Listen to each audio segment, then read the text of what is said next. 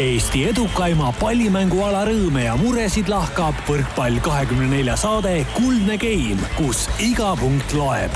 taustajõuna hoiab mängul hoogus ees Kredit kakskümmend neli tere ja ilusat neljapäeva, kahekümne kolmandat jaanuari ütleme kõigile võrkpallisõpradele taas Manta majast, kus Karin Aldo on võtnud otse liinile Atlandi ookeanis asuvalt Tenerife saarelt Rivo Veesiku. tere, Rivo! tere hommikust! Ütle, kus sa paikned seal Tenerifel, ma arvan, et äh, juba päris paljud eestlasedki on sinna kaugele-kaugele toredale saarele elus jõudnud, et äh, oled sa seal äh, pealinna kandis põhjas või oled sa seal lõuna pool, kus on ilusamad ilmad? me oleme ikka lõuna pool, kus ilusamad ilmad on, Los Cristianoses rannas põhimõtteliselt.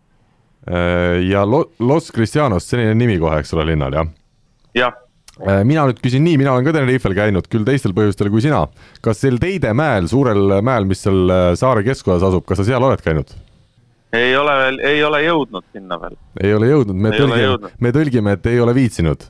jah, tõlgite hästi, hästi õigesti kusjuures. väga hästi. et äh, ikka siin poisid on käinud ära iga aasta korra, võtnud rendiauto, aga mina tõesti oma vaba päeva sinna mäe otsa ronimisega sisustanud veel ei ole aga olen minu, muude asjadega. aga minu lemmikkoht seal, seal kogu sellel saarel oli see Loro park, see tore loomaaed, mis seal põhjaosas oli, see oli, seal olid kohe pingviinid olid eraldi näiteks näitusena väljas, kui nii võib öelda, kas sa seal oled käinud?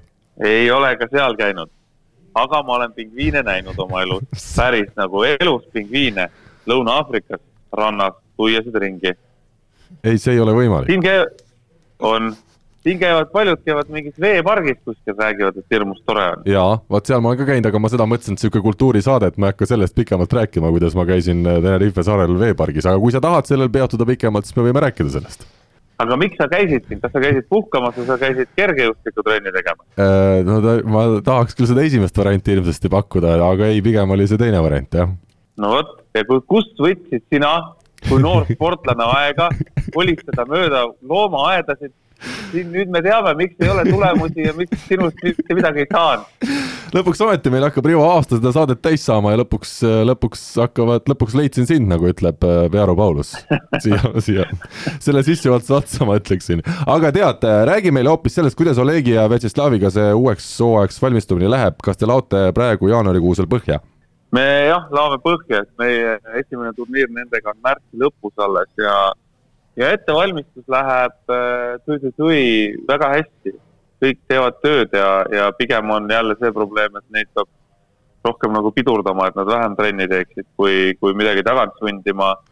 tegime siin paar esimest niisugust kontrollmängu ka ära hollandlaste vastu ja, ja ütleme, see nulltase või, või siis äh, kuidas öelda, baastase on, on ikka väga hea praegu, et selle pealt on hea edasi minna aga ütle nii palju, kas, kas ja kui palju teid seal venelasi selles laagris on, sest sa rääkisid, et Anapas oli seal juba lõpus teil nii, et terve, terve Venemaa oli kohale sõitnud sinna rannavalve laagrisse, kas äh, Tenerifel on ikkagi natuke vähem mehi või? Äh, me viis paari on siin ja ehk siis kümme mängijat ja ütleme nii, et et kuna siin osad trennid toimuvad meil äh, Tenerife top treeningu baasis ja osad trennid toimuvad rannas, ja noh, nende kahe koha vahe on sihuke umbes viis kilomeetrit, siis see logistika on päris julm. kahekesi me siin oleme, kaks treenerit, eh, noh, see statistika aitab meid ka natukene.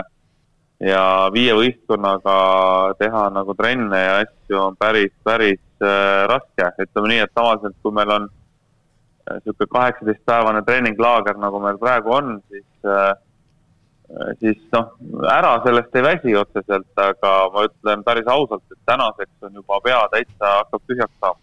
sa ütlesid, et stati-. kõikide, kõikidega tegeleda ja kõikidega teha järjest, noh eile hommikul, näiteks eile hommikul oli minul isiklikult oli järjest kolm trenni kolme erineva võistkonnaga ja noh, kokku läks neli pool tundi, et äh, siis oli poolteist tundi pausi ja siis oli kaks trenni otsa sa ütlesid, et statistika on ka kaasas, mind nüüd huvitab kohe, et teil mänge ju seal noh, kui kontrollmängud mingid kõrvale jätta, siis ju sisuliselt ei ole, et kas siis see statistik vaatabki, et kaua täna läks aega Rivol, et jõuda sealt treeningbaasist sinna Rannavalve väljakuteni viis kilomeetrit või mida, mida tema, mis statistikat ta teeb teil seal? nojah, ta paneb ajad kirja, siis saadab raamatupidajale, kes maksab, maksab palka selge. ei, aga tegelikult, tegelikult me ikkagi võtame, me filmime ka väga palju trenne. Isegi tehnilise, tehnilisi harjutusi me filmime, siis me pärast istume ja vaatame need kõik koos läbi ja siis noh, tema valmistab ette need äh, filmitud trennid ja, ja asjad ja, ja noh, võrkpalli taustaga kutt, et aitab meid trennides ka natuke. okei okay selge, oleme jälle natukene targemaks saanud ja nüüd, mil saadet on juba viis minutit kulunud, on hea meel öelda, et lubadus sai täidetud äh, üsna kiiresti, ehk siis meil on poolteist nädalat küll eelmisest saatest mööda läinud, aga saatekülalised on jäänud samaks. mul on hea meel öelda taas tere äh, võrkpalluritest õdedele Kadi ja Liis Kullerkannule. tere, tere hommikust! kuidas see vahepealne poolteist nädalat on möödunud, Liis, sinust alustades äh, üle kümne aasta tagasi Eesti kõrgliigas väljakul, kas see on midagi, mille üle tunda rõõmu või, või kuidas sa ise sellele mängule, TalTech Tradehouse'i mängule Audentesega tagasi vaatad?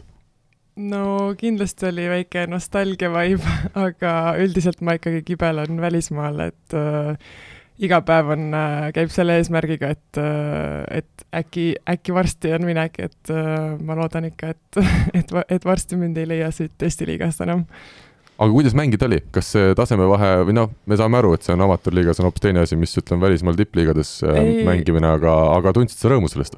no nagu, nagu Ameerikas öeldakse, beggars can't be choosers, nii et äh, mul on äh, hetkel lihtsalt oluline, et ma treeniks ja no eriti just mängiks ja ma sain kohe aru ka, et okei okay,, et see tase võib-olla on tõesti madalam, aga eks ma ise ka nagu äh, see mängupaus on olnud päris pikk, et see mängutunnetus on hoopis teine asi kui trennis, trennis tavalisi harjutusi tehes või mingeid puuteid, et äh, see noh, eks ma ise nagu täitsa rahule ei jäänud, aga noh, see on arusaadav ka, et miks mul seda tunnetust praegu võib-olla nii väga ei ole ja näitab, kui oluline on ikkagi seda mängukogemust saada, nii et ma hindan väga kõrgelt seda võimalust, et ma sain täismängu mängida ja et Marko Mett andis mulle äh, noh, võimaluse.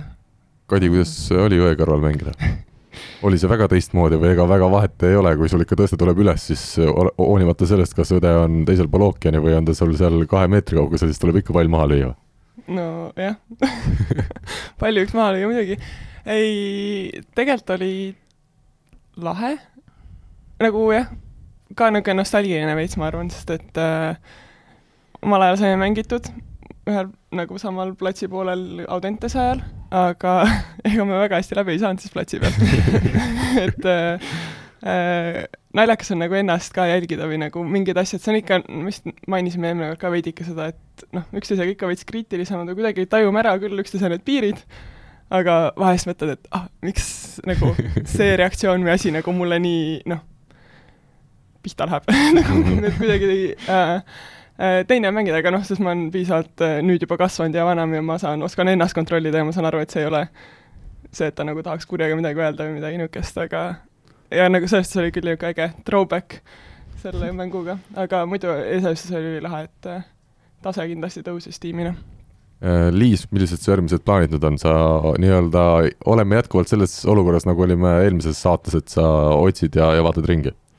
Uh, erinevus eelmise saatega oli vist see, et uh, ma lõpuks sain uh, reliisi oma võistkonnalt, nii et selles mõttes uh, enne mul oli nagu pidi läbi olema, aga ma ei olnud veel päris saanud oma nii-öelda vabastust sealt võistkonnast, nii et uh, nüüd ma olen vaba nii et selles mõttes, et saan uh, vabamalt otsida ja nii edasi, aga eks ma olen nüüd tegelikult noh, selles mõttes ma ei ole vaba, ma olen TalTechi nimekirjas aga ma arvan, et sealt saab ikka lihtsamini ära kui, kui mu praeguselt klub, praeguse klubi juurest. palju on praegu juba huvi tuntud kuskilt mujalt või palju on kontakte tek tekkinud? Mul, ma ei ole kusjuures oma agendiga nii palju rääkinud, talle meeldib niimoodi vaikselt omaette nokitseda ja kui tõesti tuleb, noh, ta sorteerib asju ja et kui tuleb mingi niisugune asi, mis ta arvab, et ta, millest ma olen huvitatud ja mida ta nagu ise ka hindab heaks variandiks, et palk, palk tuleb ikka üle ja nii edasi, et äh, siis, siis nagu kannab mulle ette ja siis on umbes, et okei okay,, nüüd kiirelt vaja teada umbes, et ma seda ootangi, et ma ei hakka teda väga torkima, eks ma ikka aeg-ajalt kirjutan talle, aga siis ta ütlebki, et okei okay,, oota veel veidi kannatust veidi,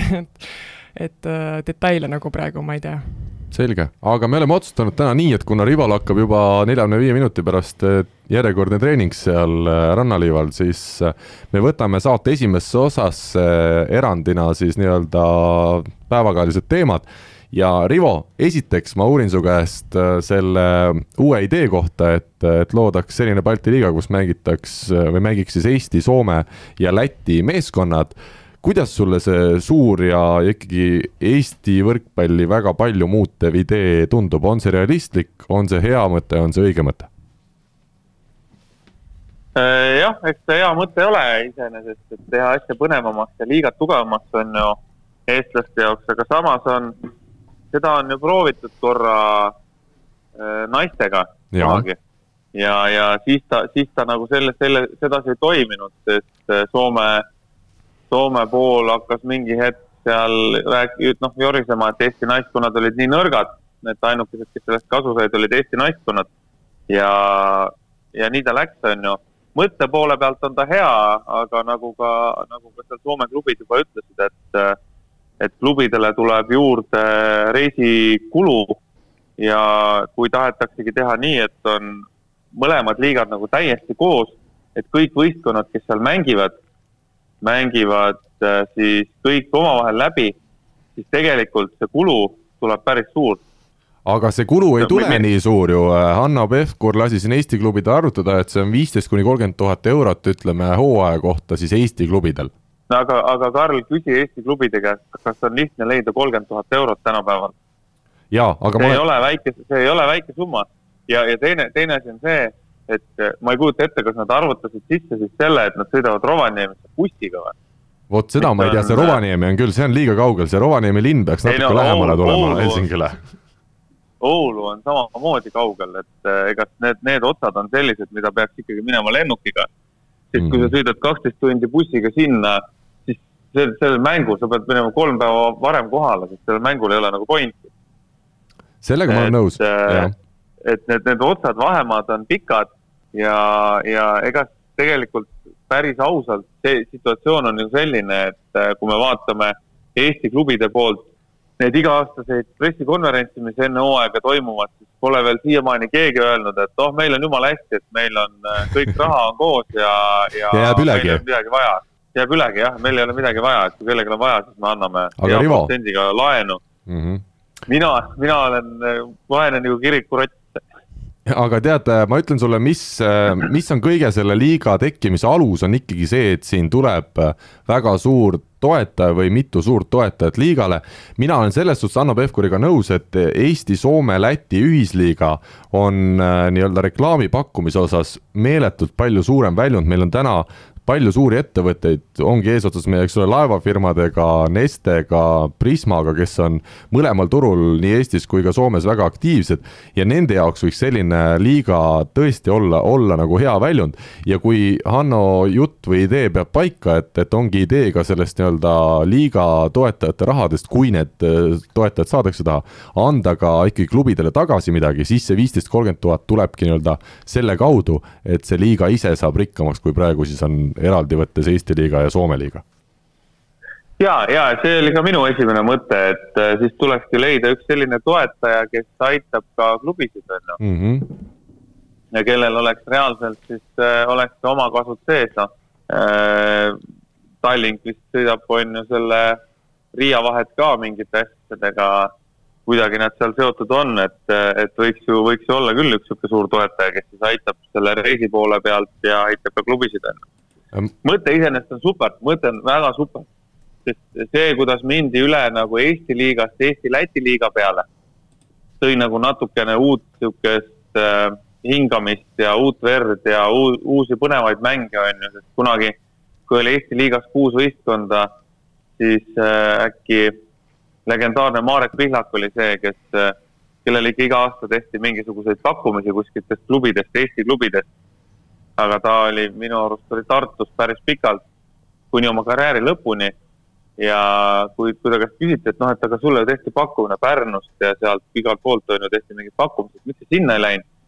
Marek Pihlak ütles, et aga mis Eesti liigas ei ole vahet, kus sa mängid, et mängid täpselt samade inimeste vastu, ainult saad mingid teised dressid selga, on ju.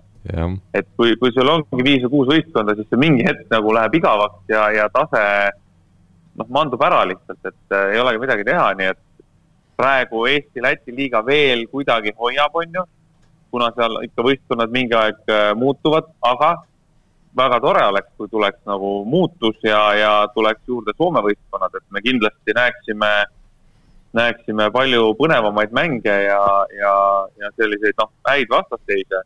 see, mis need Soome treenerid seal ütlesid, ütlesid, et ei tea nüüd, kui palju, kui palju Eesti või Baltikumi võistkonnad Soome publikut kõnetavad, siis mina olen küll kindel, et näiteks Eestis äh, inimesed võib-olla läheksid suurema heameelega vaatama, ma ei tea, seal Saaremaal kindlasti on ju, aga Pärnu ja Vaanta taksimängu või midagi sellist, et äh, ikka uued võistkonnad ja, ja ikka teeb põnevamaks asja aga ma küsin vahepeal, äh, Kadi ja Liis, kuidas teile see liiga idee tundub, kas teie ei mänginud vist kumbki selles nii-öelda Eesti, Eesti klubides, mis siin Soome liigas vahepeal mängisid?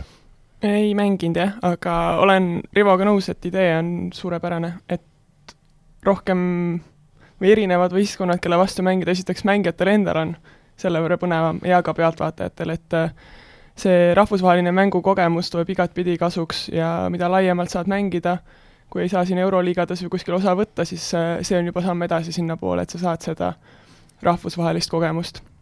ka noormängijad siis meie klubides Liis, kuidas sulle tundub mm,? ma arvan ka, et äh, võrre-, seda väga ei saa vist naistega võrrelda äh, selle äh, eel, eelneva Soome-Eesti liigaga, et äh, äh, see tase on ikkagi teine, et mehed suht äh, harjutavad juba professionaalidena Eestis, aga noh, naised siiamaani, et ma ei kujuta ette veel aastaid tagasi, kui see Soome-Eesti naisteliiga tehti, et siis nagu ka ju, et see vahe oli tõesti, tõesti suur ja selles mõttes see ei, ei olnud kasulik äh, tõesti nendele Soome naiskondadele, aga ma arvan, et siit võib tulla päris põnevaid lahinguid. Rivo, tead, mis mulle tundub, siin võib juhtuda nii, see on puhtalt oletus, et äh, sellest saab Eesti-Soome liiga, sest äh, kuigi Hanno Pevkur rääkis siin väga konkreetselt kolmest riigist, siis ikkagi lätlased on esiteks kõige kaugemal nii-öelda selles suhtes, et meie oleme ju hoopis lähemal Soomele kui lätlased. ja teiseks, Läti klubide rahaline seis on täna selgelt kehvem kui Eesti klubide oma. no minule tundub täiesti keeruline, et Limbasi-sugune meeskond, kes ongi noortevõistkond, kus nad nüüd hakkavad seda taset või noh, nad peaks kõik uued mehed ostma, et et üldse seal nagu konkurentsivõimelised olla, et siit võib kujuneda nii, et alguses ütleb üks Läti võistkond ära ja siis ütlevad teised ka, et ja, ja kui jääb ka Eesti-Soome liigas, siis ei oleks paha idee, aga aga see on üks oht, mis minu arust siin võib küll täiesti olla, Rivo, kuidas sulle see tundub? Äh, jah, tundub loogiline, kui nüüd seal lätlased näiteks ei leia ka mingit toetajat, kes maksabki, noh, siin ongi see, et kui tuleks üks toetaja, kes äh, aitaks võistkondadel liikuda, siis ega ma arvan, et sellel Limbase võistkonnal ei oleks ka mitte mingit äh, probleemi sellega, et minna Soome ja kaotada Soomes kõik mängud.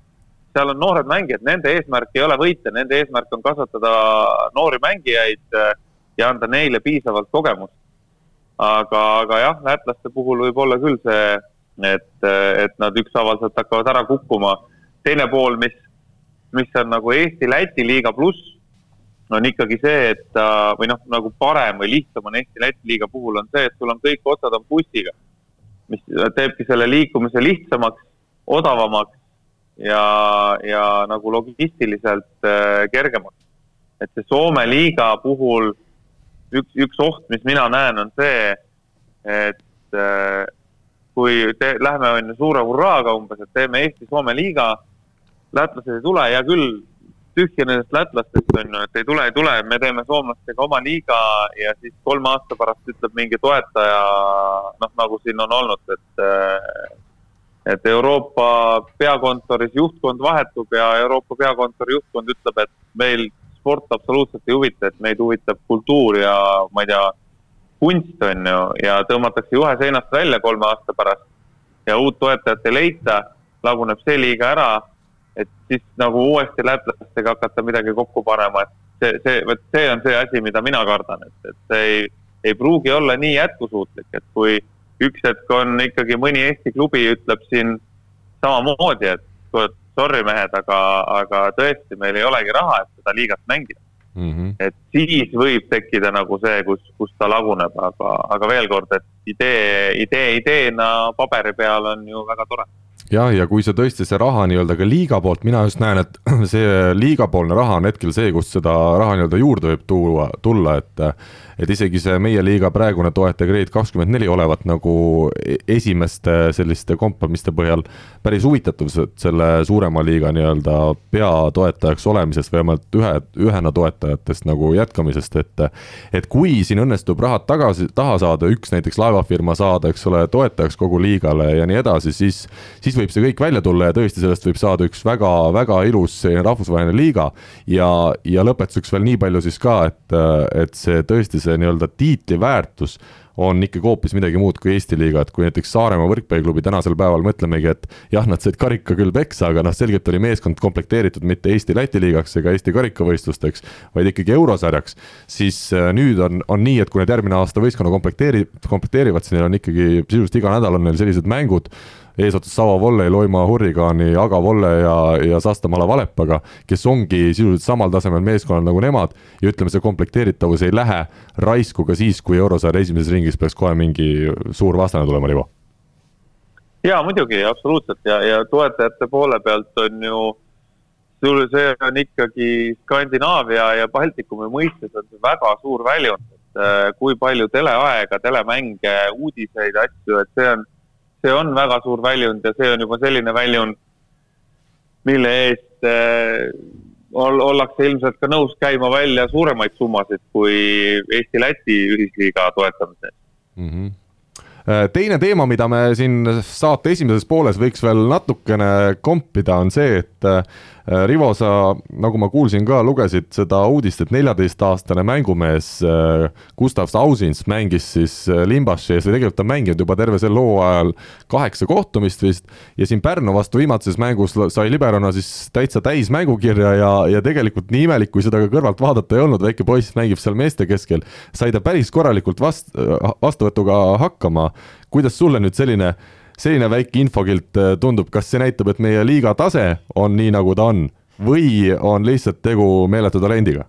ei, ma ei usu, et siin liiga tasemega mingit pistmist on, et oleks seal äh, terve võistkond neljateist, viieteist aastaseid, kes mängiks Pärnuga kolm-kaks, et siis, siis tekiks nagu küsimus, et mida me siin teeme, on ju, aga, aga ma arvan, et on tegemist hea talendika poisiga ja, ja jumala äge, et ta mängib. ongi põnevam vaadata, et kuidas väiksed väiksed lapsed ka hakkama saavad võrkpallis, et tundub, et äh, vähemalt tema saab hakkama, noh. me võime siin oma, oma Eestist võtta, kunagi oli ju Martti Rosenblatt, kes ka vist viieteistaastaselt äh, mängis esi, esimest korda Eesti meistriliigas, et äh, et eks, eks neid ikka aeg-ajalt tuleb peale, neid noori mängijaid, kes on heal tasemel. no vaatame, mis, mis tast saab, et niisugune viis, kuus, seitse aastat ootame ära ja, ja kui ta siis on ka kõva mees, siis on väga hästi kusjuures huvitav on see, et kui ma tegin selleks äh, looks äh, ettevalmistust või eeltööd, siis ma leidsin ka mingeid noorteklasside pilte, et me ei räägi mitte sellest, et ta nii-öelda täiskasvanute seas näeb väike välja, vaid ta oli ka nendel poodiumi piltidel mingi rannavalle võistlustel oli tema, oli see kõige lühem mees alati sellel esikoha nii-öelda pjedestaalil, et et ta kuidagi ka omavanuste seas äh, on suhteliselt hilja kasvama hakanud, aga nagu ütles Lauri Zietselneks, meeskonna peatreener, siis isa on kahemeetrine ja nii-öelda pikkuse taha küll midagi ei tohiks jääda, et seal loodetavasti kasvab pikk poiss ja vaadates, mis eeldused tal nii-öelda tehniliselt on, siis võib tõesti siit üks nimi tulla, keda tasub juba praegu meelde jätta. Rivo, sina neljateistaastaselt, tuletame korra veel lugejatele meelde ja kuulajatele, mida sina neljateistaastaselt teha oskasid? mina oskasin ka võrkpalli mängida jumala normaalselt juba ja, ja kirjutada vigadega ja lugeda kas vigadega kirjutamine on vist saatnud sind kogu elu?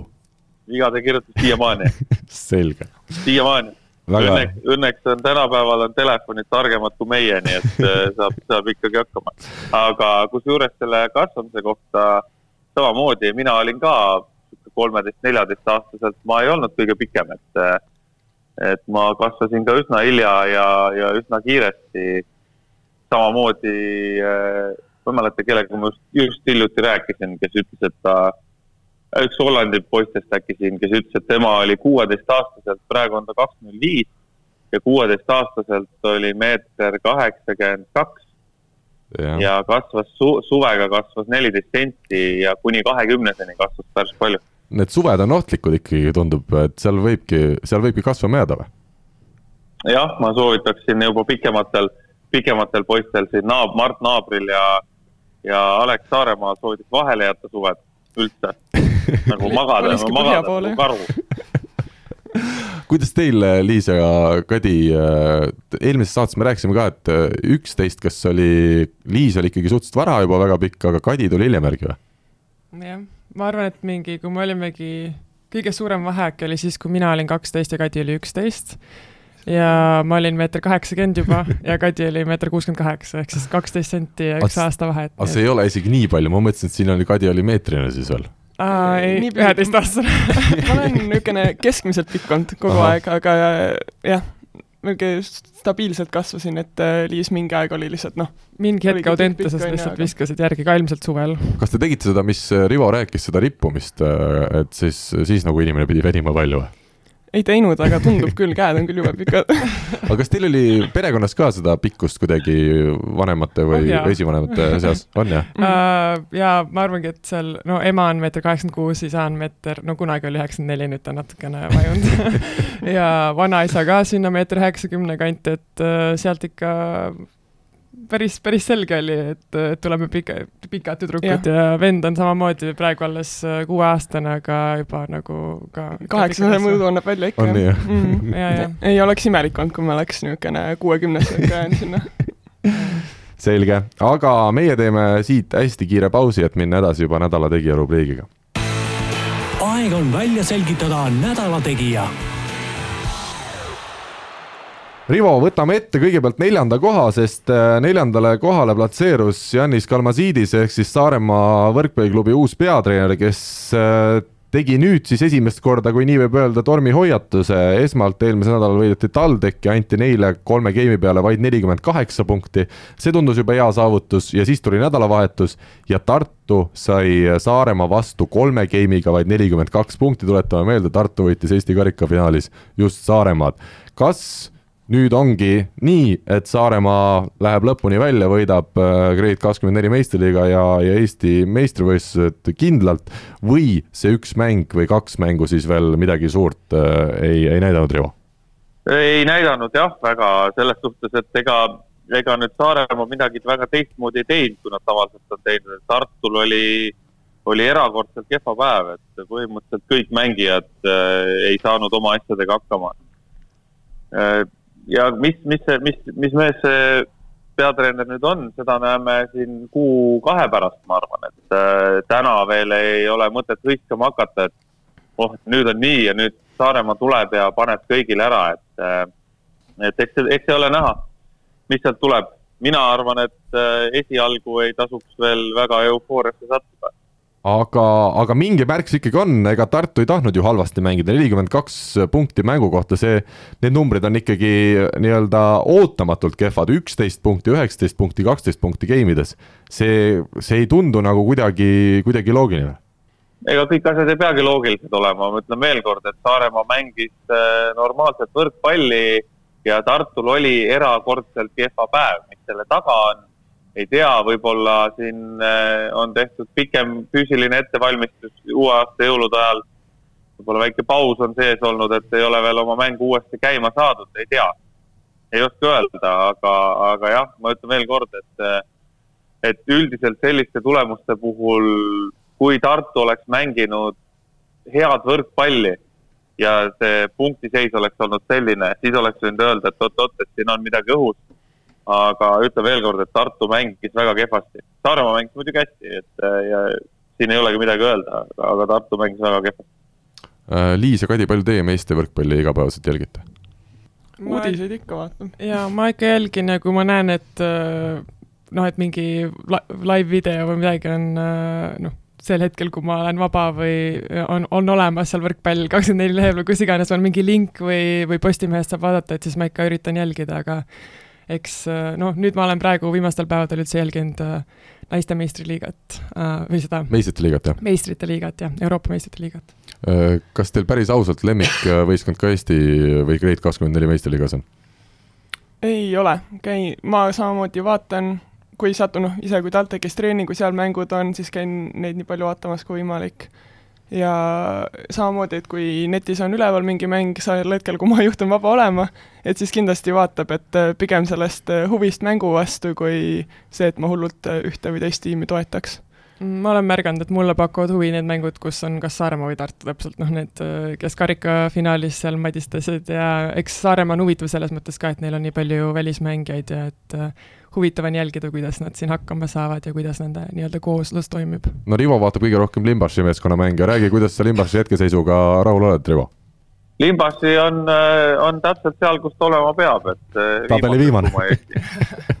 jah, ja, ja see, see, nad on oma kohaga rahul, ma olen rääkinud siin Limbase meestega pikalt ja, ja nende eesmärk on, nende eesmärk on, nagu öeldakse, liigasse püsima jääda väga hea, Limbasi asjatundja Rivo Vesik, Eesti ainus eh, oma siis sellisel erialal on oma hinnangu andnud.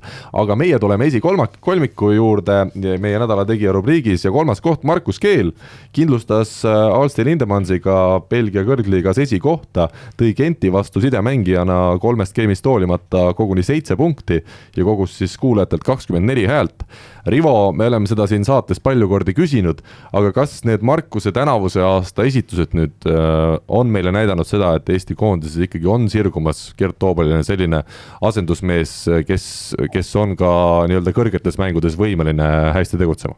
Äh, no loodame, loodame jah, et, et on. Markus veel kõrgetes mängudes ei ole mänginud. see liiga ei ole, ei ole nüüd maailma kõige tugevam liiga, aga aga stabiilsus ja, ja tema mänguesitused näitavad, et äh, Markus areneb ja areneb õiges suunas. Äh, ma väga loodan, et, et see nüüd järgmise, järgmise suve koondise aeg näitab ilusasti ära, et kus ta täpselt on. ja, ja hea meel on see, et ta on välisliigas, noh, et ta seal saab areneda kõvasti ja, ja hea meel on selle üle, et ta mängib ka.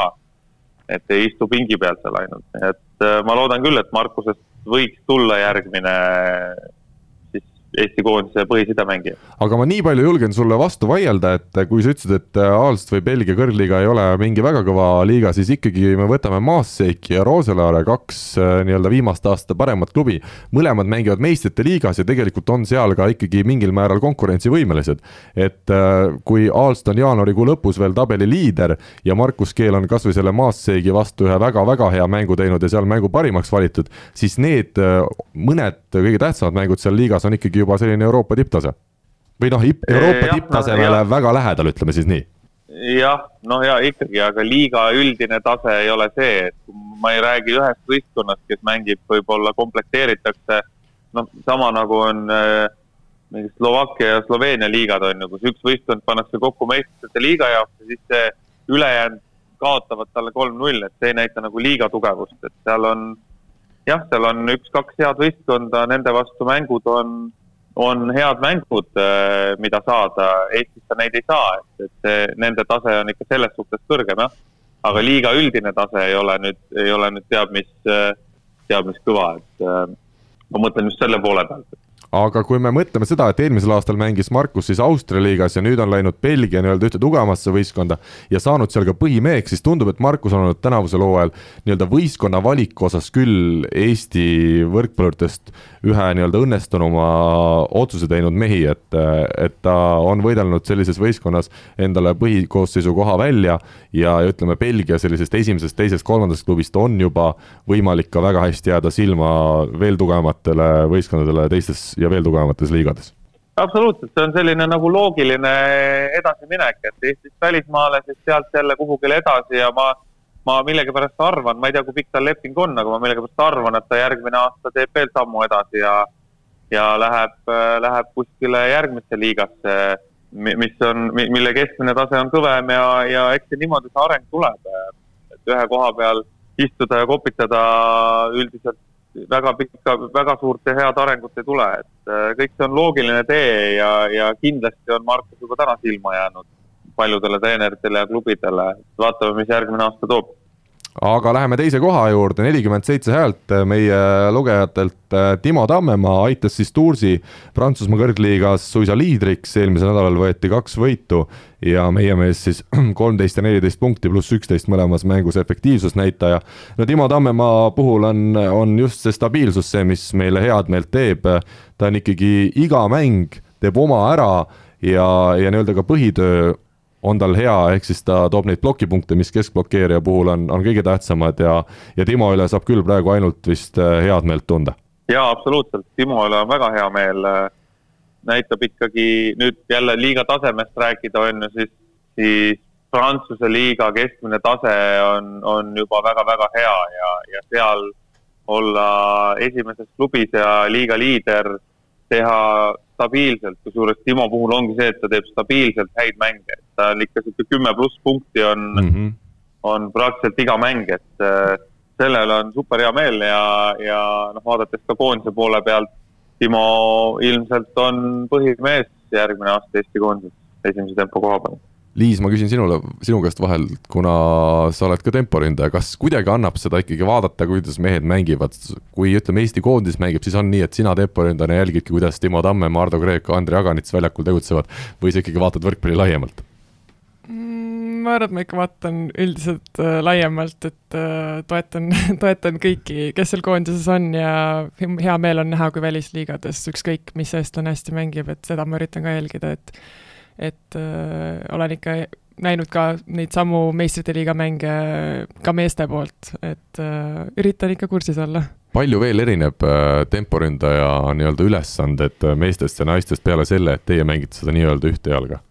On no, seal mingeid erinevusi veel? no mul on tunne, et naiste võrkpall on hakanud ka füüsilisemaks minema, seda on näha juba näiteks kas või sellest, et kui paljud naised nüüd on hakanud äh, hüppelt jõuservi tegema ja üleüldse, et äh, vaatad, et ikka on päris muljetavaldavaid, muljetavaldavaid sportlasi tulnud ka naiste võrkpalli, kes hüppavad äh, kõrgele, löövad tugevalt ja et nagu nii suurt vahet enam ei olegi meeste võrkpalliga, eks, eks ikka pall püsib kauem õhus, aga üldiselt ma ei teagi, roll on sama ja, ja töö on, töö tuleb ära teha, nii et ega seal muud ei olegi, ma arvan. aga esimene koht ja tuleme Kadi spetsialiteedi juurde, ehk siis diagonaalründaja Siim Põlluäär. Itaalia tugevuselt kolmandas liigas Tuscania meeskonna kaotusmängus Maceratale kakskümmend kaheksa punkti pluss kakskümmend neli ja rünnak seitsekümmend kaks protsenti, see on diagonaalründaja kohta sellised numbrid, et äh, et nüüd peabki küsima, et kas statistika oli, oli kuidagi erilises seisundis või on lihtsalt Siim Põlluäär praegu väga heas äh, olukorras, sada kaheksa häält ja kindel esikoht siis temale. Rivo, kas sina oled nüüd Siimuga ka kunagi koos mänginud, tunned sa teda veel päris isiklikult või? jaa, oleme küll koos mänginud Audentes ja sealsamas esiliiga võistkonnas, noorte võistkonnas minu arust no vot. ja Siimu ma tunnen jah, Siimu ma nägin äh, Roomas, kui oli see rannapoole maailmakarika etapide finaalturniir, siis Siim käis seal vaatamas mänge ja rääkisime paar sõna juttu ka, noh, seal ta ütles ka, et äh, tema jaoks uus ja sihuke huvitav olukord. noh, hea näha, et, äh, et Siim on oma mängu käima saanud ja, ja tema puhul täpselt samamoodi, ma loodan, et ta sealt kolmandast liigast liigub siis kuhugile ülespoole, kui ta, kui teda tahetakse ja kui tema tahab, et et ega Siim ei ole nüüd ka selline mees, et kelle, kelle peaks maha kandma koondise mõttes, et ta on, teeb ka sealt, noh, vaata, ma, ma ei oska öelda, kas ta teeb head hooaega või ei tee, sest uudiseid sealt ei ole ja, ja ei tule sealt nagu väga midagi läbi. kusjuures hakkab ma rohkem tulema, Rivo, hakkab rohkem tulema, ma julgen sulle lubada, mul on siseinfot. No väga hea, et, äh, et ma ise ka nagu ei uuri seda Itaalia kolmandat liigat väga, et oleks, oleks tõesti põnev teada Siimu üle on väga hea meel ja, ja loodame, et äh, paneb seal samamoodi edasi ja õnnitleme siis nädala tegija tiitli puhul aga Siimust jätkates, siis Itaalias tõesti see võrkpalliarmastus on nii suur, et äh, tuletame natukene kuulajatele meelde, Itaalia kolmandas liigas on siis kaks tugevusgruppi või mitte tugevusgruppi, vaid lihtsalt gruppi, üks on põhjatsoon, teine on lõunatsoon ja Siim äh, mängib siis selles lõunatsoonis. hetkel tema võistkond kindlalt nii-öelda esinelikusse pääsemas, mis tähendab, et play-off'i ehk liiga veerandfinaali pääsetakse. liiga võitja pääseb uueks hooaegs A2 ehk siis tugevuselt teise liigasse ja Siimu endaga siin oli hiljuti ka üks intervjuu ja, ja huvitav huvitavalt rääkis ja päris ausalt, kuidas ikkagi saal on külm ja ja ütleme, selles suhtes on imelik, et sa lähed Itaaliasse mängima, aga, aga samas sul on neid äh, nii-öelda kohati on sul isegi külmem kui, kui Eestis, kui just äh, saalist välja ei lähe, et seal ilmselt on ikkagi natukene see temperatuur kõrgem. aga ise on ta, on ta rahul sellega, mida ta teeb, äh, kolmkümmend pluss vanuses võtta ette esimene välishooaeg on juba omaette selline julgustükk ja tundub, et ta on sellega rahul. saab näha, mis tulevik toob, aga, aga tõesti, kui peaks hästi mängima, siis, äh, siis vähemalt need Itaalia, ütleme siis A2 võistkonnad võiksid olla küll Siimust juba, juba huvitatud, aga nädala tegija rubriik on meil läbi võetud, Rivo, ma tean, et sa lähed äh, trenni, ole hea, veel lõpetuseks ütle midagi, midagi hästi ilusat kuulajatele, mida, mida uueks nädalaks siin Eestis soovida, kus meil on ka päike praegu väljas, kui me hommikul seda saadet lindistame. kui sa ütlesid praegu, ütle midagi väga ilusat, siis esimese asjana ma tahtsin öelda lilled. ahah ma ei tea, miks.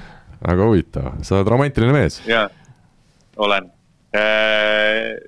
aga mis seal ikka soovida, meil on täna neljapäev, on nädalavahetus, käituge korralikult. käituge korralikult, mulle, kusjuures mulle meeldis väga ennem, mulle meeldis väga ennem Kadi üks ütlus. kui, ja siis mulle tuli millegipärast tuli sihuke silme ette selline kuuekümne viie aastane Kadi Kullergann, kes käib kepiga. oota, mis, mis ütlus see oli? kui ta ütles, et kui sina küsisid, et kuidas siis oli õe kõrval mängida, siis ta ütles, noh, eks me omal ajal oleme ka ju mänginud me kõik jääme vanaks, on minu tsitaat siia selle osa lõppu veel täpselt nii. aitäh sulle, Rivo. head saadet teile ja mina lähen teen nüüd natukene trenni. teeme nii, ole tubli. tšau. küsimusmängu toetaja on teamshield.com oma disainiga spordi ja vaba aja riided ja nüüd siis võtame ette küsimusmängu ja eelmisel nädalal siis uurisime, millises välisriigis on Liis ja Kadi lisaks USA-le mõlemad mänginud. õige vastus on Filipiinid, äh, riik ja, ja, ja saarestik, millest me siin saate teises osas kindlasti jõuame veel rääkida. õigeid vastuseid kakskümmend kolm ja ma annan, äh, Liis, võimaluse sulle öelda üks ilus number ma ütlen jälle viis, nagu oma esimeses saates. ja Maria Miilen on seekord oh, meil küsimusmängu võitja, nii et Kristiine Miileni äh, väike õekene, kes peaks ka võrkpalliga tegelema, väga hästi on meil Fortunaga vedanud. peab nüüd vaatama, kas sellist särki meil ka leidub, mis, äh, mis äh, selga läheb, aga, aga ma usun, et me selle probleemi saame lahendatud ja kui muud moodi ei lahenda, siis kindlasti on ju plaanis ka Mariel kasvada, nii et tulevikus. mõtlesin ka, sisse kasvab ikka. särk kindlasti läheb, esialgu ongi selline väike seelik võib-olla hoopis kleidike. Kleidike, jah, ütle, ütleme niipidi. Äh,. igatahes äh, aitäh kõigile vastajatele, nii palju vastuseid äh, meil väga tihti saates ei ole, aga uus küsimus on meil juba teada. Ja kuna me eelmises saates rääkisime, räägime ka täna natukene veel USA üliõpilasvõrkpallist, siis me küsime, mitu võistkonda mängib naiste esimeses divisjonis siis äh, USA ülikooli võrkpallis väga lihtne küsimus, vastused saab saata nagu ikka info et võrkpalli kakskümmend neli punkt ee ja võrkpalli kahekümne nelja Facebooki lehe sõnumitesse, meie aga läheme edasi järgmise teemaga.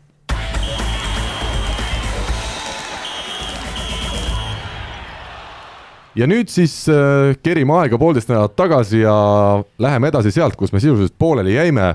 esiteks tuleme veel USA teema jätkuks äh, selle juurde et mis on need erinevused Euroopa võrkpallil ja USA siis üliõpilasvõrkpallil, ma saan aru, et need on vaata et täiesti erinevad mängud, sest erinevusi on tegelikult palju reeglites mm, reeglistiku mõttes jah, et äh, kõige põhilisemad erinevused ongi see, et libero võib servida, äh, mis tähendab, et üks tempo siis ei servi ja seetõttu ka tihti need Ameerika mängijad, äh, just temporündajad, kes tulevad Euroopasse, tihti võib-olla ei ole nii head servijad kui, kui omad kohalikud näiteks. aga üks, ehk siis libero, ehk siis üks tempo alati servib ja teine on libero siis libero tagaliinis. asemel jah, et siis äh, põhimõtteliselt jah, treener otsustabki, et kumb see tempo on kehvem serv ja see ei servi.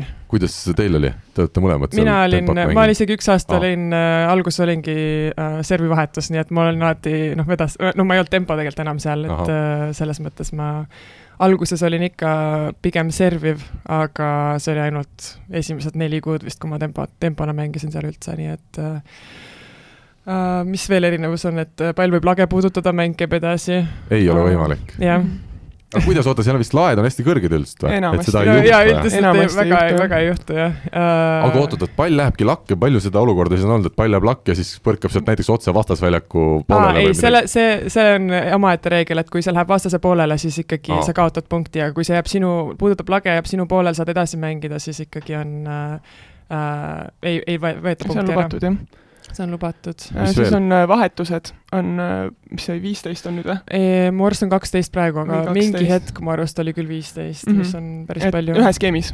ühes skeemis? jah, et see ongi siis hokivahetustega põhimõtteliselt, et kui ma mängisin kas nurgaründajat või diagonaali, et siis hästi tihti kui noh, erinevatel põhjustel siis kas on tagaliini, meil seal ongi siis defensive specialists kes DS-id nii-öelda, põhimõtteliselt nagu liberod, aga nad ei mängi libero särgis, nad on tava, tavamängijad, aga nad lähevad siis tahaliini lihtsalt Aha. Eh, kas nurgaründaja diagonaali asemel, mängivad kaitset ja etteliini läheb jälle siis ründaja sisse. et üha rohkem on seda, et sa teedki ühte asja väga hästi, hästi ja sa ei pea nagu mitmekülgne olema, jah? see on hästi, hästi spetsialiseerunud seal, jah mm -hmm.. siis on, ma tean, on äh, pall on, eks ole, teine jah, ja Molt on siiamaani vist sama kui siis, kui meie mängisime, niisugune sinine-valge Mhm. hall. ja ta on Jah. ikkagi Mikasast üsna erinev oma omadustelt või? ta on pigem nagu see vana Mikasa enne seda siiruviirulist, niisugune, ma ei oskagi no seletada. niisugune vanakoolipall ikkagi jah. aga lihtsam on temaga mängida, ta ei, nagu ei mölla ringi nii palju õhus ta ei planeeri, ma arvan, ja servi poolest ma mäletan, et mul oli hästi raske alati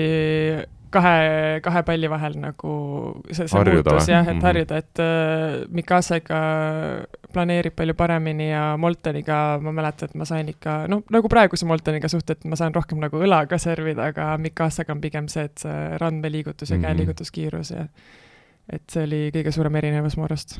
Mis veel on, kas mingi mänguskoori lugemises, punktide panemises? no ainult see see, see ploki arvestus ainult see poole ja statistikas, jah. statistika on jah veits erinev ja noh, see, kuidas nad neid plusse-miinuseid, seal oli ka väike mingi protsendi teema, kuidas nad Mhm. erinevad. aga kui tähtis seal statistika on, ütleme, kas seal ka mängitakse väga välja need, et kellel on see, ma ei tea, ploki, ongi plokipuuted kõige paremad või, või on seal nagu, pannakse rõhku nii nagu ütleme ka korvpallis, et ikkagi väga tähtis on see, kes kui palju punkte viskab? jah, seal vaadatakse päris tihti, et seal on peale igat äh, mängu, põhimõtteliselt ülikooli endal on, on siis see spordiosakond või, või siis turundusosakond spordis all äh, ja nad kirjutavad peale igat mängu, kirjutavad kokkuvõtte, kirjutavad statistika, kirjutavad enne mänge kirjutavad artiklid, kus on siis kirjas, mida oodata, kes on kõvemad tegijad vastastel, kes on kõvemad tegijad endal, mis on äh, nagu äh, lähisihid, et äh, a la ühel mängijal on tuhat äh, seda rünnakupunkti näiteks tulemas või kellelgi Loetakse on jah, et loetakse äh, treenerite võite-kaotusi, nende võiduprotsenti äh,, et see on ka treeneritele tehakse statistikat selles suhtes üsna korralikult, et äh, äh, seal jälgitakse seda palju ja üldiselt äh, ja noh, selle eest ka jagatakse siis igasugu tasusid või nagu autasusid ja asju, aga aga jah, kindlasti on suur osa sellel, et palju, kuidas sa esined sellel statistika poolel just. palju seal need mängud nagu, kas ka iga mäng on ikkagi oluline ja, ja tähtis või seal on ju tihti ka, kuna on hästi palju võistkondi seal liigas, et on ka see tasemete vahe erinev, et osad mängud on sellised üle jala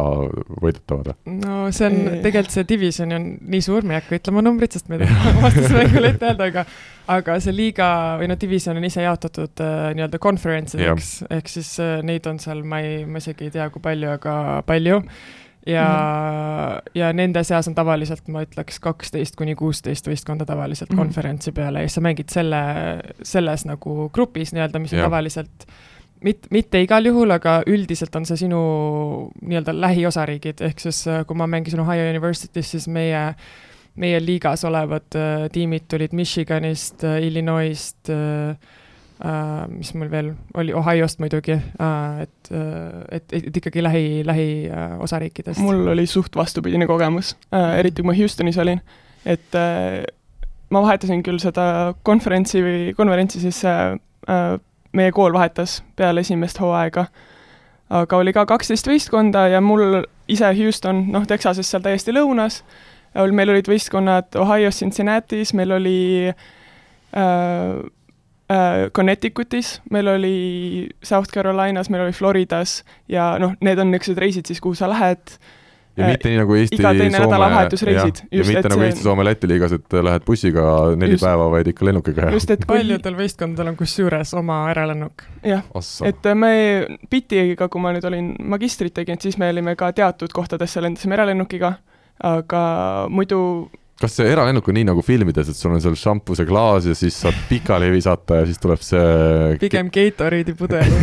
ja nii fancy ei olnud, aga, aga noh, selle just eesmärk see, et sa jõuad kiiresti ühest kohast teise ja sa saad, sportlased saavad puhata ja saavad oma ettevalmistada, sest mängud on tihtipeale, kas on laupäev, pühapäev või reede, pühapäev. jah. Mhm. et äh, kui sul on kaks päeva järjest ja sa pead reisima mitme osariigi vahel seal nende kahe päeva vahel, et see on üsna väsitav, et äh, seda reisimist minul oli üli-ülipalju võrreldes siis näiteks lihtsalt tegi rohkem bussisõite, mis on ilmselt väsitavamad. aga neid lende mul nagu seal Houstoni ajal, no iga teine nädalavahetus on eemalmängud ja, ja siis iga nädalavahetusega, kui sa sõidad eemale, et siis on äh, vähemalt mingi viis lendu. Et Okei. äh, selles suhtes üsna intensiivne ja oleneb täpselt, mis, millises grupis sa mängid, kus need ülikoolid on. aga nagu, kui see on, minnes su küsimuse juurde tagasi, siis niisugust lihtsat mängu tavaliselt ei ole. et iga mäng on vägagi arvel ja kohe, kui sa jala lõdvaks lased, seal on põhimõtteliselt iga tiim on või noh, üldiselt need tugevusgrupid või nagu need grupid, konverentsid on siis äh, üsna võrdsed tugevustega äh,, nii konverentsisiseselt siis. et on nõrgemad grupid lihtsalt, neil on omavahel väga põnev äh, nagu võitlus seal, aga on siis tugevamad konverentsid või grupid, kes, kõik võistkonnad, kes seal sees on, on nagu üli-ülikõvad, kes võiksid siis ilmselt võita mingi nõrgema tugev või nõrgema grupi kõige tugevamat, on ju, et Mhm. et see on üsna niisugune huvitavalt jaotatud seal, ta süsteem on niisugune suur ja lai jah ja, aga aga jah, ütleme nii, et lihtsat mängu seal ei saa väga oodata kuskil. Me rääkisime pärast äh, eelmist saadet, et äh, naiste võrkpallil USA ülikoolis antakse vist meeletut raha ja see põhjus on selles, et äh, neil peavad, kas neil peavad olema siis balansis need meeste ja naiste nii-öelda ülikooli spordile antavad summad? Just, et äh, Title Nine on, mis seal toodi läbi, on äh, põhimõte on siis selles, et olekski võrdväärsus meeste ja naiste vahel spordis, et mehed ei saaks äh, kaks korda rohkem nagu muidu profimaailmas, siin on hästi tihti, kui vaatad lepinguid ja asju, et äh, seal ongi pandud siis erinevad äh, võistkonnad on pandud omavahel paari, et vaatame, kui sul on korvpall, sul on meeste korvpall, naiste korvpall, nad peavad sama palju toetust saama Mm.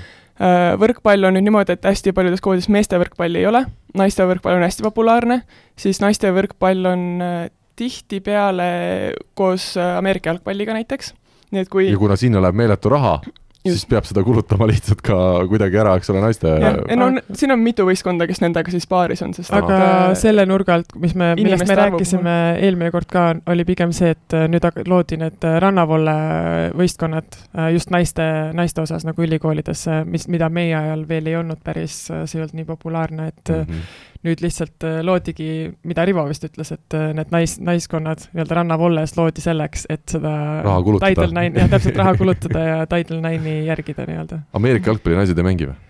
mm, mitte ülikooli liigas, on mingi naisteliigad on. ei, ma just lugesin, et üks, üks tüdruk, ma ei tea, kas ta vist kirjutaski nüüd äh, sellele letter of intent'ile alla mm., et ta Mm. tahab minna ülikooli, vaata peale keskkooli, aga ta Mm. mängikski siis meestega äh, koos. seal jah, tegelikult Ameerika jalgpallis ongi huvitav see, et äh, kui vaadata neid äh, põhikooli lapsi, siis äh, mingid uudised vahest käivad ikka läbi, et keegi kicker või mingi teatud positsioonil on tüdruk, mängib me, me, meeste võistlused on üks võistkond, üks American football võistkond ja tegelikult ei ole määratletud, et ta peab olema meeskond. et äh, kui sa oled tüdruk ja sa oled piisavalt hea sellel positsioonil, siis teoorias sul on võimalik mängida siis nii-öelda meeste võistkonnas. ma mõtlen kohe laiemalt, et miks üldse mehi ja naisi nii-öelda mitte eristada, võiks üldse mitte nagu elusolendeid eristada, et näiteks tulebki mingi tiiger, võtab maha seal Ameerika jalgpallis kellega, et ta oleks ju päris kiire ja ja päris ohtlikult seal tõmbaks võib-olla maha, et, äh, et minul jälle väike soovitus siin, kahju, et Rivo ei ole, ta kindlasti toetaks kohe mu ideed. aga kuna seal on meeletut raha ülikooli spordis ja keegi ju mängijatest või sportlastest ju palka ei saa, eks ole, see on keelatud ju. see on praegu teema, mis on arutlemisel, et yeah. kas peaks saama on- või, või pigem mitte, et äh, seda arutatakse praegu päris tuliselt seal. jah, see on üsna niisugune top teema praegu, et äh, nad äh, leiavad viise, kuidas rohkem toetada, on nüüd viimastel aastatel ja kui me rääkisime enne siin nendest konverentsidest või äh, gruppidest, et siis on, on olemas niisugune asi nagu Power Five, kus on viis tugevamat gruppi siis, kus ongi nagu kõik võistkonnad, kes sees on, on see põhimõtteliselt äh, Mhm. enamik sportides seal tipus. Ja seal on näiteks tugevam, äh, suurem toetus, suurem sti- stipendium ja kui sa igakuiselt saad oma toetust, siis seal saab rohkem. kui sa lähed näiteks mingi nõrgemasse gruppi või kooli, et see siiski oleneb, mis koolis sa käid äh,, samamoodi, kas sa oled ähm, magistrant või sa oled äh, bakaõpilane, et ma oma magistrina ma sain põhimõtteliselt kaks korda rohkem kui need tüdrukud mu grupis, kes olid siis bakalaureust tegid. Et äh, seal on nii palju neid, kuidas, kus see varieerub, aga otseselt palka jah, nad ei tohi maksta veel, aga see on aga no samas äh. Katil, kui ta läkski bitti magistrisse, siis ma mäletan, kui ta mulle hakkas seletama, kui palju neid toetusi tal olid, et okei okay,, et tal on vaja prille umbes, see, need makstakse kinni mm, -hmm. no Mhm. läätsed on niikuinii juba Medkitis olemas nagu seal Ahah. et selles mõttes see, see on tavaline. aga mingi Kõik raamatu, raamatupoe teema oli sul mingi, et saad Aa, iga kuu jah. mingi et me saime põhimõtteliselt krediiti, et äh, noh, seal on, sa pead minema oma õpikud, asjad võtma nagunii aasta alguses, mis on muidu ülikallid tavaõpilastele, me saame nagunii need äh, stipendiumi all äh,. aga siis on see nii-öelda raamatupood, kus sa käid, siis see on põhimõtteliselt nagu kõigi asjade pood, et seal on ka ülikooli, ma ei tea, mis asju äh, riideid ja kõike muud, et me saime krediiti, et kooliks vajalikke asju osta, et kui mul on a la kalkulaatorit või asja vaja, et ma sain teatud summa enne või iga semestri alguses ja ma sain seda seal poes nagu ära kulutada lihtsalt Mhm. või siis samamoodi on toitlustamisega tihti antakse mingisugust raha või siis äh, jah, arsti külaskäigud, värgid, et äh, just viimasel ajal on siin teemaks tulnud äh, tiimikaaslaste ja paaridega, et äh, ma käisin nüüd, äh, kui ma bitis olin, olin ära mänginud, aga ma olin veel stipi peal, et lõpetasin seal. Läksin, tõmbasin kõik neli tarku sammast korraga välja, sest noh, Ameerikas tehakse, et see on normaalne, aga see oligi, mul oli okei okay,, teeme kohe ära, siis ma pärast ei pea muretsema, sellepärast mul nagu probleemi ei olnud, aga see, nagu niisugused asjad on seal toetatud või nagu nendest sa ise muretsema ei pea, et sa lähed lihtsalt oma selle tiimiarsti juurde, ütled, et oh, mul oleks uus paari prille vaja või mul on a la tarkusammaste mure, et noh, selle eest hoolitsetakse, mis on nagu ülilahe, et siis äh, et äh, ma katsusin jah, nii maksimumi võtta nendest, mis nad seal nagu selles suhtes toetavad, et kui isegi kui rahaliselt ei anna, äh, seal on päris palju asju, millega nad aidata saavad. ma olen meditsiinihuviline ka, kas need neli hammast tõmmati korraga välja tegelikult ka, jah mm? -hmm. no seal on üldnarkoos äh,, ma käisin mitu isegi... päeva sa seal narkoosi all olid? Ei olnud kaua, mul, mul oli jopi kogemus kõva seal juba, et aga ma käisin tiimikaaslasega veel koos, nii et me tegime niisuguse tiimitripi sinna ja kolmas tiimikaaslane tuli autoga meile nagu järgi ja päris tore oli ja ma samal ajal taastasin põlve, nii et ma olin nagunii voodis siruli, nii et mul ei olnud väga vahet, mis ma tööl uskumatu. huvitav, aga kuna meil on hästi palju juba saate ajast kulunud ja me tahaks rääkida veel, äh, veel natukene millestki muust, siis ma tuleksingi Filipiinide juurde, meie küsimusmängu õige vastuse juurde. Te mängisite mõlemad Filipiinidel, kuidas satub üks Eesti võrkpalluri ja ka tema õde lõpuks kuidas satuvad Filipiinidele mängima? No minul oli see puhtalt äh, mu endise agentuuri kaudu siis, et äh, ma käisin Ohioga üks suvi või üks kevad, käisime, tegime eurotuuri ja mängisime, kusjuures, mis mul nüüd alles kohale jõudis, kuna tol ajal ma ei teadnud Euroopa võrkpallist, klubi võrkpallist mitte midagi et mulle jõudis kohale, et me mängisime Monza vastu, ehk siis Itaalias nagu päris kõva naisteklubi ja mu ainus mälet-, mälestus on seal su-, nagu seal on niisugune ümmargune saal. Ja et, et kui pikalt itaallased soojendust tegid võrreldes ameeriklastega või noh, ma olin ka sel ja. hetkel nii-öelda ameeriklane ja ma lihtsalt, me mäle-, ma mäletan, kuidas me olime juba mingi kolm soojendust ära teinud, oodates, kuni need itaallased soojaks saavad. Aga ei, nagu selles mõttes oli põnev kogemus, aga just sellest äh, Eurotripist nagu ma kohtusin Bringit Promotions inimestega, kes äh, siis tihti sel hetkel, kui mina mina Filipiinidele läksin, nemad vastutasid enamike mängijatest, kes läksid üldse Filipiinidele mängima ja ja nii see variant oligi. ma tegelikult äh, allkirjastasin või noh, olin valmis minema Saksamaale sinna võistkonda, kus ma lõpuks jõudsid? kuhu ma lõpuks jõudsin äh, hooaja teises pooles, aga mingi hetk neil äh, mäletan augustis öeldi vist, et äh, raha sai otsa või et neil ei ole võimalik ikkagi mulle seda lepingut pakkuda ja siis äh, septembri keskel või lõpus sain teada, et äh, okei okay,, et Filipiinidele saaks minna, et siis tegingi selle lühikese kolmekuuse, kahekuuse hooaja seal ja väga huvitav kogemus. Kadi, kas sina jõudsid samamoodi äh,? sarnast viisi pidi või? No jah, mul oli sama agent siis põhimõtteliselt, kes Liisil sellel hetkel, hetkel oli aga siis olid ka seal tutvused, et Liisil äh, mulle kirjutati mm., et kas ma tahaks minna peale oma mm, -hmm. oma hooaega uuesti ja mul ei olnud või, või noh, ma mõtlesin küll selle peale, et tegelikult võib-olla, et oleneb play-off idest, et võib-olla kui ma ei pääseks play-off idesse, et siis ma võib-olla isegi jõuaks, aga mu jaoks see oli vist suvisel ajal ka, et ma ja. ei tahtnud koondisest puududa, et uh, siis ma ütlesingi, et aga ma tean ühte inimest, kes võiks võiks tulla, et uh. sellega oli see nali, et ta kõigepealt soovitas oma tiimikaaslast ja siis ma ütlesin nagu Liis tahaks ka tööd et uh, aga ei, siis ma sain sinna, me, meil on veel noh, selline fun fact veel, et äh, Filipiinidel me mängisime erinevates liigades. ja Aha. seal ei ole kaks erinevat liigat mitte tugevusastme järgi jaotatud, vaid nad on lihtsalt konkureerivad liigad, kellel on erinevad toetajad. just, ja nad üritavad saada siis, võidel-, võist-, võistlevad siis äh, Oma toetajate hääle. poolest ja kõige poolest, et kumb liiga on parem ja kõvem ja kuhu, kuhu lähevad paremad mängijad ja et see on niisugune päris huvitav süsteem seal ja noh, ühest liigast teise tegelikult liikumine väga lubatud ei ole, välja arvatud siis, kui Eriti sa jätad ühe aasta, jah, et kui sa jätad ühe aasta vahele täiesti, siis sa võid liikuda enam-vähem, et äh, seal eh, samamoodi hästi huvitavad äh, erinevad süsteemid on, kuidas need liigad on üles ehitatud. aga miks Filipiinidele, kas see on ikkagi raha, mis sinna viis või see mingi kliima ja huvitav kogemus või? Minu jaoks oli see lihtsalt esimene profihooaeg, et siis noh, kuna ma pidin tegelikult Saksamaale minema, siis see kukkus viimasel hetkel ära ja siis noh, see oligi see variant, mis äh, tõusis esile ja eks ma alguses ei teadnud mitte midagi ja ma olin ikka noh, ma olin varem, ma käisin korra äh, magistri ajal kaks nädalat mängisin Maldiividel ka politsei naiskonnas oh. Uh, see on, see on sihuke, see oli ka sihuke kogemus, et ma alguses mõtlen, et nagu okei okay,, ma olen Maldiividest kuulnud, aga ma nagu ei, väga ei kujuta ette, kuidas mingi turniir või asi ja. seal toimida võiks, et uh, mulle hakati rääkima kohe Airport Island ja siis on Resort Island ja siis on pea Capital Island ja siis okei okay,, iga asja jaoks on oma saar, okei okay. noh, et Filipiinidega oli suht sarnane lugu, et ma ei teadnud nagu, kas uh,, kui palju seal inglise keelt räägitakse või no üleüldse okei okay,, teadsin Manilat, on ju, aga ega, ega, ega väga nagu informatsiooni ei olnud, aga kui ma hakkasin otsima, siis nagu muutus kohe väga huvitavaks, inglise keelt räägitakse väga laialdaselt, nagu selles mõttes ei olnud üldse probleemi. ja eks alguses oli ikka väike närv sees, et kuhu ma lähen, aga aga õnneks ma olin sarnase kogemuse korra noh, lühe, lühemalt muidugi läbi teinud, et selles mõttes pigem ootasin seda põnevusega, kui kartsin mm.. no sada miljonit inimest, ma tuletan meelde kuulajatele, kes võib-olla igapäevaselt geograafia tunnis enam, enam ei käi, et see ei ole väike hulk ja ma saan aru, et päris paljud nendest inimestest jõudsid ka võrkpallisaali tegelikult.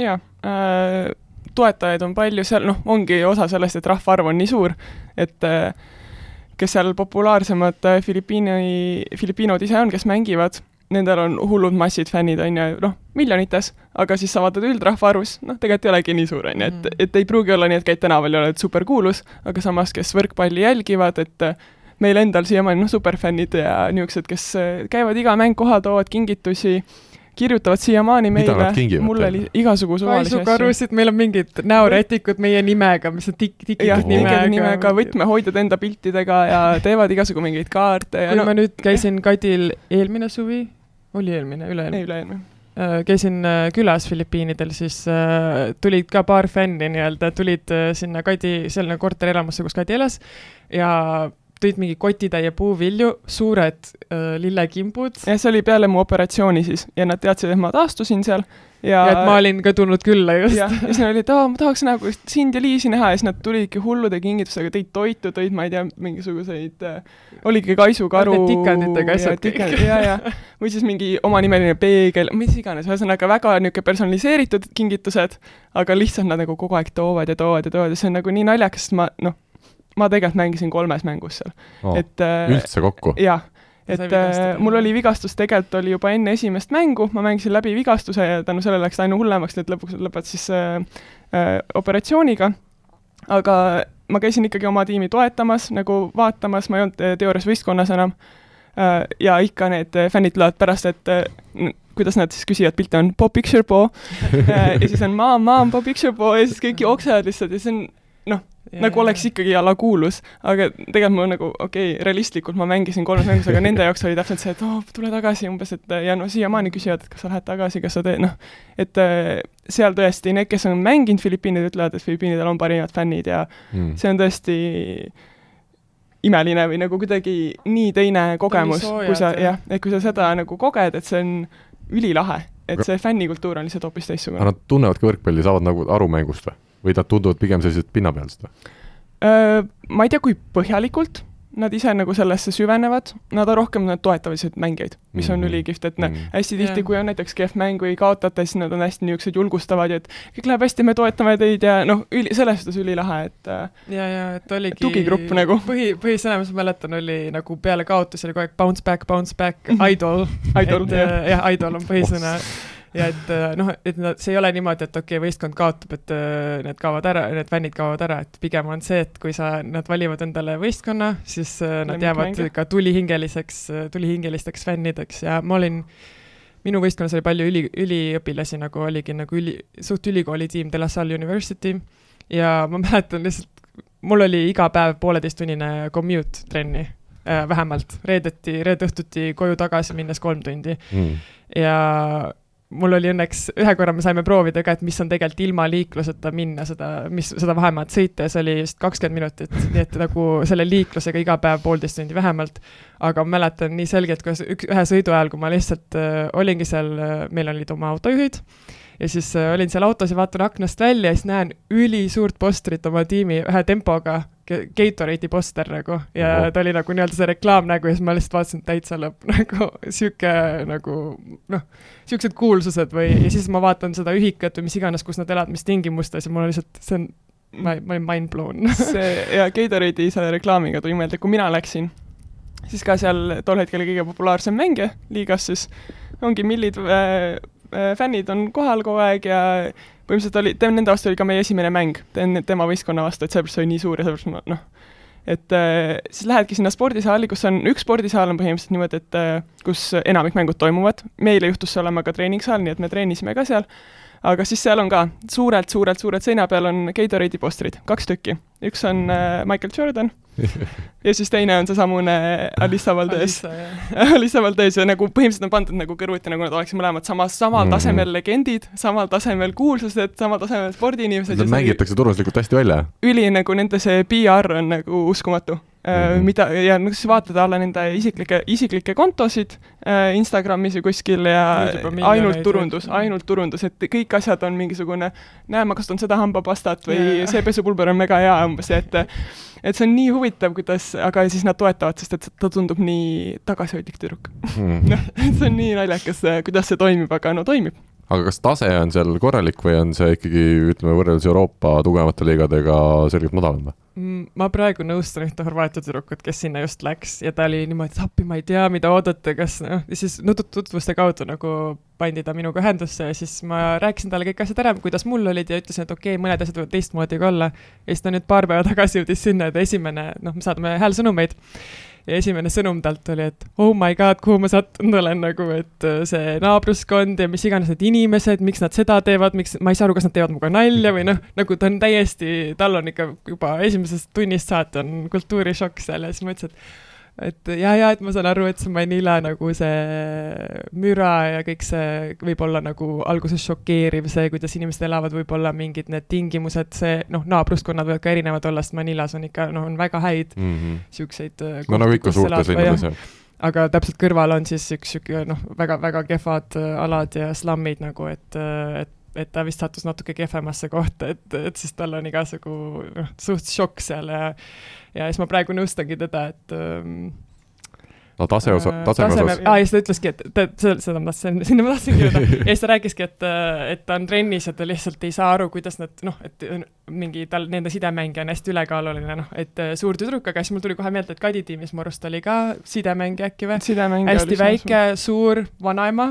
jah, mu, minu sidemängija oli vanaema, ta oli neljakümne aastane, ta oli vanaema, ta oli üks legendaarsemaid sidemängijaid Filipiinidel ja välimuselt sa ei vaataks elu sees otsa ja mõtleks, et oh, see on üks hea sidemängija. väga hästi tõstis, ei, ma ei kurda üldse, aga seal ei saa jah, väga kaane järgi vaadata, et, et nad on tegelikult tublid ja niisugused. ma omast kogemusest räägiks, et kui ma läksin oma esimestesse trennidesse, siis min-, mulle avaldas muljet, kui kõrg-, nagu kui plahvatuslikud nad olid, et kui palju nad hüppasid ja niimoodi, aga siis ma hakkasin aru saama, et noh, trennide põhjal nad panevadki ainult sellele rõhku, kuna nad ei ole nii mm. pikad, et kõige pikem filipiinlane, kes seal oli, oli meeter seitsekümmend kaheksa tempo äkki. Ja siis oleme, olimegi mina ja mu ameeriklasest tiimikaaslane, noh, ühepikkused siuksed meeter üheksakümnesed ja et, et see vahe oli ikka päris suur, aga noh, see oligi võib-olla üks probleem, et no, treener hakkas meid treenima samamoodi nagu neid väikseid plahvatuslikke tüdrukuid, et see, mis me tegime seal sadu hüppeid ja rünnakuid ja asju, et meil oli pigem vaja kokku mängida selle võistkonnaga mm, -hmm. kui teha mingeid noh, audent-, või noh, siukseid asju, mis ma oleks pidanud Audentases võib-olla tegema, et, et noh, nende jaoks oligi ülikool või jah, mul, noh, sul oli vähe erinev kogemus jälle äh,. esiteks, minu kõige pikem Filipiini tüdruk, kelle vastu ma mängisin, oli minupikkune, nii et äh, Ikka- edusammud, edusammud erandeid leidub või? Ja, ja on ju, äh, Santiago. ja, ja, ja ja. me mängisime ka mm. -hmm. tempo oli meil. -hmm. aga jah, ühesõnaga see liiga tase, mõlemad, mõlemad liiga tasemed tegelikult on ikkagi ma arvan, iga aastaga lähevad aina aina tugevamaks ja seda ütlevad ka kohalikud, ütlevad, et kuidas võrkpall hakkab, seal on korvpall on põhimõtteliselt nagu rahvussport ja poks äh,.